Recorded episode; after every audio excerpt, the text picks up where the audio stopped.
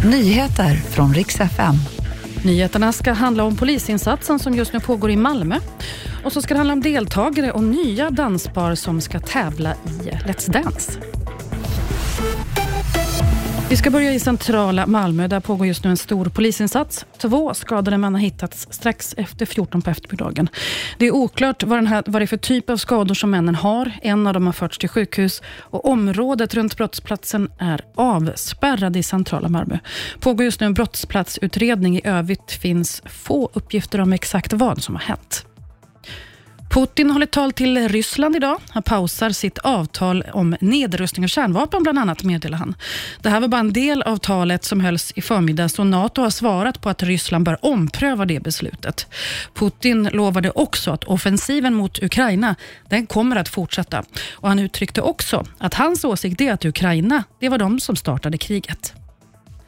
Så ska det om tv-programmet Let's Dance. För första gången i tävlingen så ska en kvinna dansa med en kvinna i tävlingen.